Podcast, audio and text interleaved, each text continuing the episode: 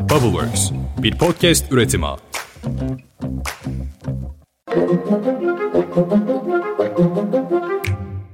Beş dakikada dünya gündemine hoş geldiniz. Bugün 6 Ocak 2023, ben Özlem Gürses. Ankara'da nefes nefese bir haftaydı. Cuma'ya nasıl vardım inanın ben de bilmiyorum. Siz bu özeti dinlerken ben İstanbul'a dönüş yolunda olacağım. Şimdiden mutlu hafta sonları dilemek isterim ama önümüzdeki 48 saat içinde kim bilir neler olacak neler. Başlayalım.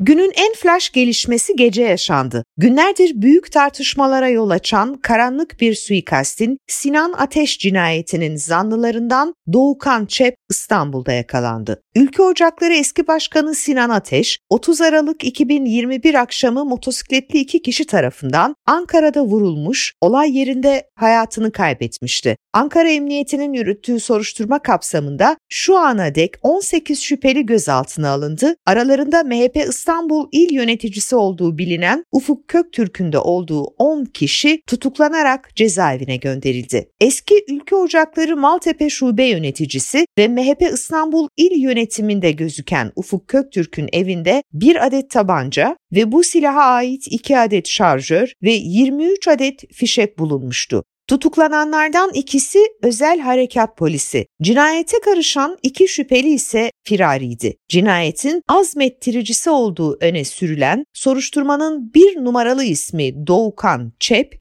lakabıyla söylemek gerekirse Dodo, İstanbul Beykoz'da bir otelde yakalandı ve gece saatlerinde Ankara'ya getirildi.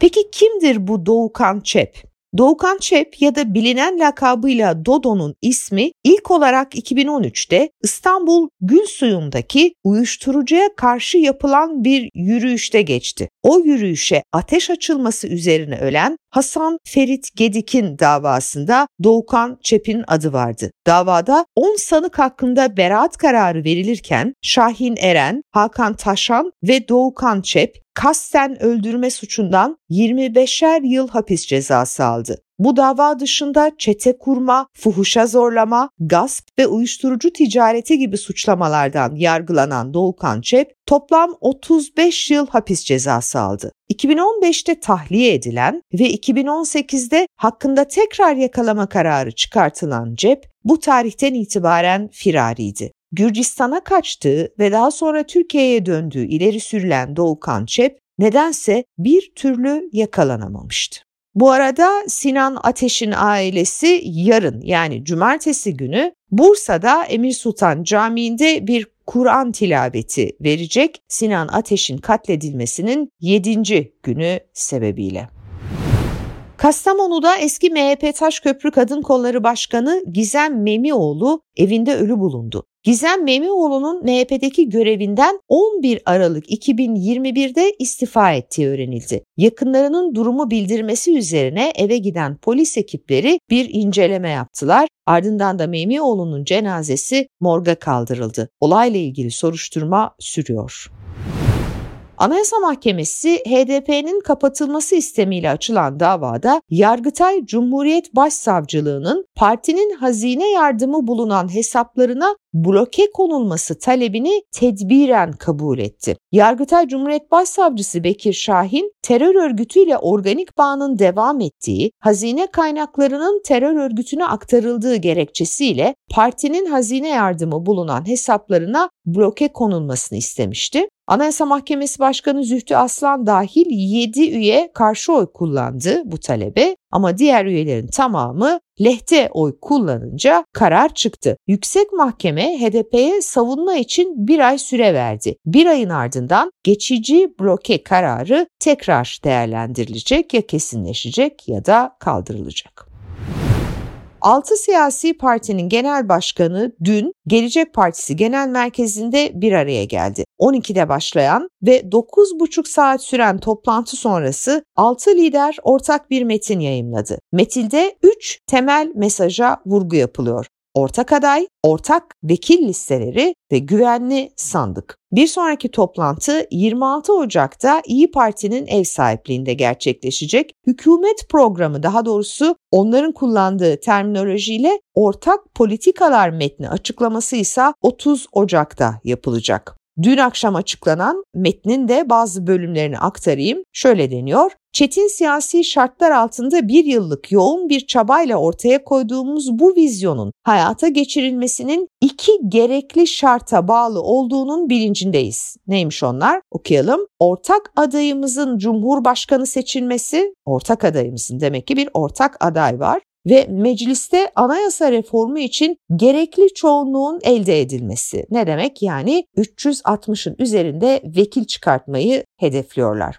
Ortak Cumhurbaşkanı adayının tespitiyle ilgili istişarelerin başlatılmasına karar verdik. Yani şu andan itibaren artık masada isim konuşulacak. Cumhurbaşkanı adayı ve milletvekili seçimleri konusunda tam bir uzlaşı kültürüyle hareket edecek ve seçimlerden sonra hem yürütmede hem yasamada yeni bir dönemi başlatacağız başörtüsü gibi bir sembolü gollük pas olarak gören zihniyete de esastan karşıyız biliyorsunuz. Genel kurulda mecliste AK Parti'nin getirdiği bir başörtüsü anayasa önerisi var muhalefeti oldukça zorlayan bir öneri olduğunu kabul edelim. Ne evet diyebiliyorlar ne hayır. Bakın metinde bunu nasıl ele almışlar. İktidar samimi ise bu anayasal düzenlemeler konusunda muhalefetten gelecek önerilere ön yargısız şekilde yaklaşarak metinlerin uzlaşıyla çıkmasını desteklemelidir. Evet, ortak metinde yer alan başlıklar bunlar.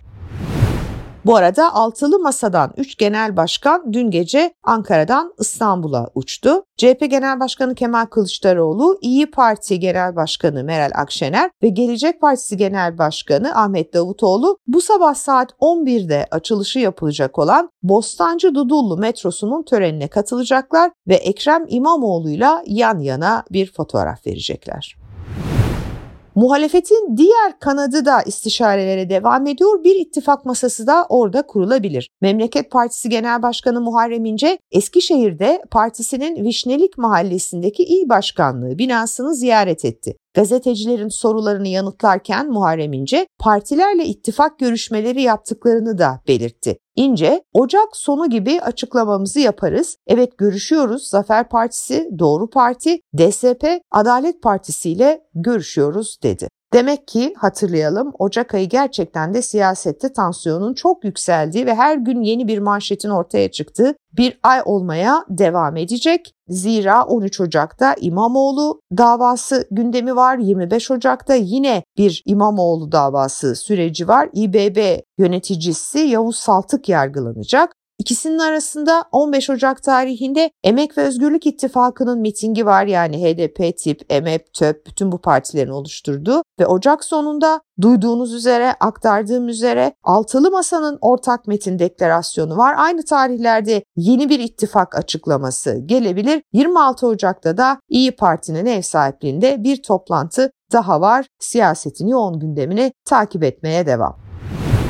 Biraz da dünyaya bakalım. İran Mizah dergisi Charlie Hebdo'da ülkesinin dini lideri Ayetullah Ali Hamaney hakkında yayımlanan karikatürler nedeniyle Fransa Büyükelçisini İran Dışişleri Bakanlığı'na çağırdı. Haftalık dergide İran'daki protestolara destek için başlatılan yarışmaya katılanların kaleme aldığı birçok Hamaney karakterine yer verilmişti. İran Dışişleri Bakanı yaptığı Twitter paylaşımında Fransız yayınının dini ve siyasi otoriteye ettiği bu hakaretler karşılıksız kalmayacaktır diye yazdı. İran'da Mahsamini protestolarını kışkırttığı suçlamasıyla gözaltına alınan Oscar ödüllü oyuncu Terani Ali Dusti şartlı tahliyeyle serbest bırakıldı. Aralarında Emma Thompson, Steve McQueen, Ian McKellen, Mark Rylance gibi dünya starları isimlerin yer aldığı 500'den fazla sanatçı Ali Dusti'nin derhal serbest bırakılması için çağrıda bulunmuştu. Özellikle satıcı filmiyle dünyada tanınan Terani Ali Dusti'nin serbest bırakıldığını annesi Instagram hesabından yaptığı paylaşımla duyurdu. Yörüngeden canlı yayın yapan ilk NASA misyonu Apollo 7'nin hayatta kalan son üyesi Amerikalı astronot Walter Cunningham 90 yaşında hayatını kaybetti. Cunningham ilk insanlı uzay uçuşu için seçilen 3 astronottan biriydi. Evet, bugünün son dünya halini dinlediğiniz cumartesi pazar çok olağanüstü bir gelişme olmazsa eğer bir dünya hali extra large yapmazsak pazartesi sabahı gene günün ilk saatlerinde kulaklarınızda olacağım. O zamana kadar huzur diliyorum hepinize. Huzur. Görüşmek üzere. Hoşçakalın.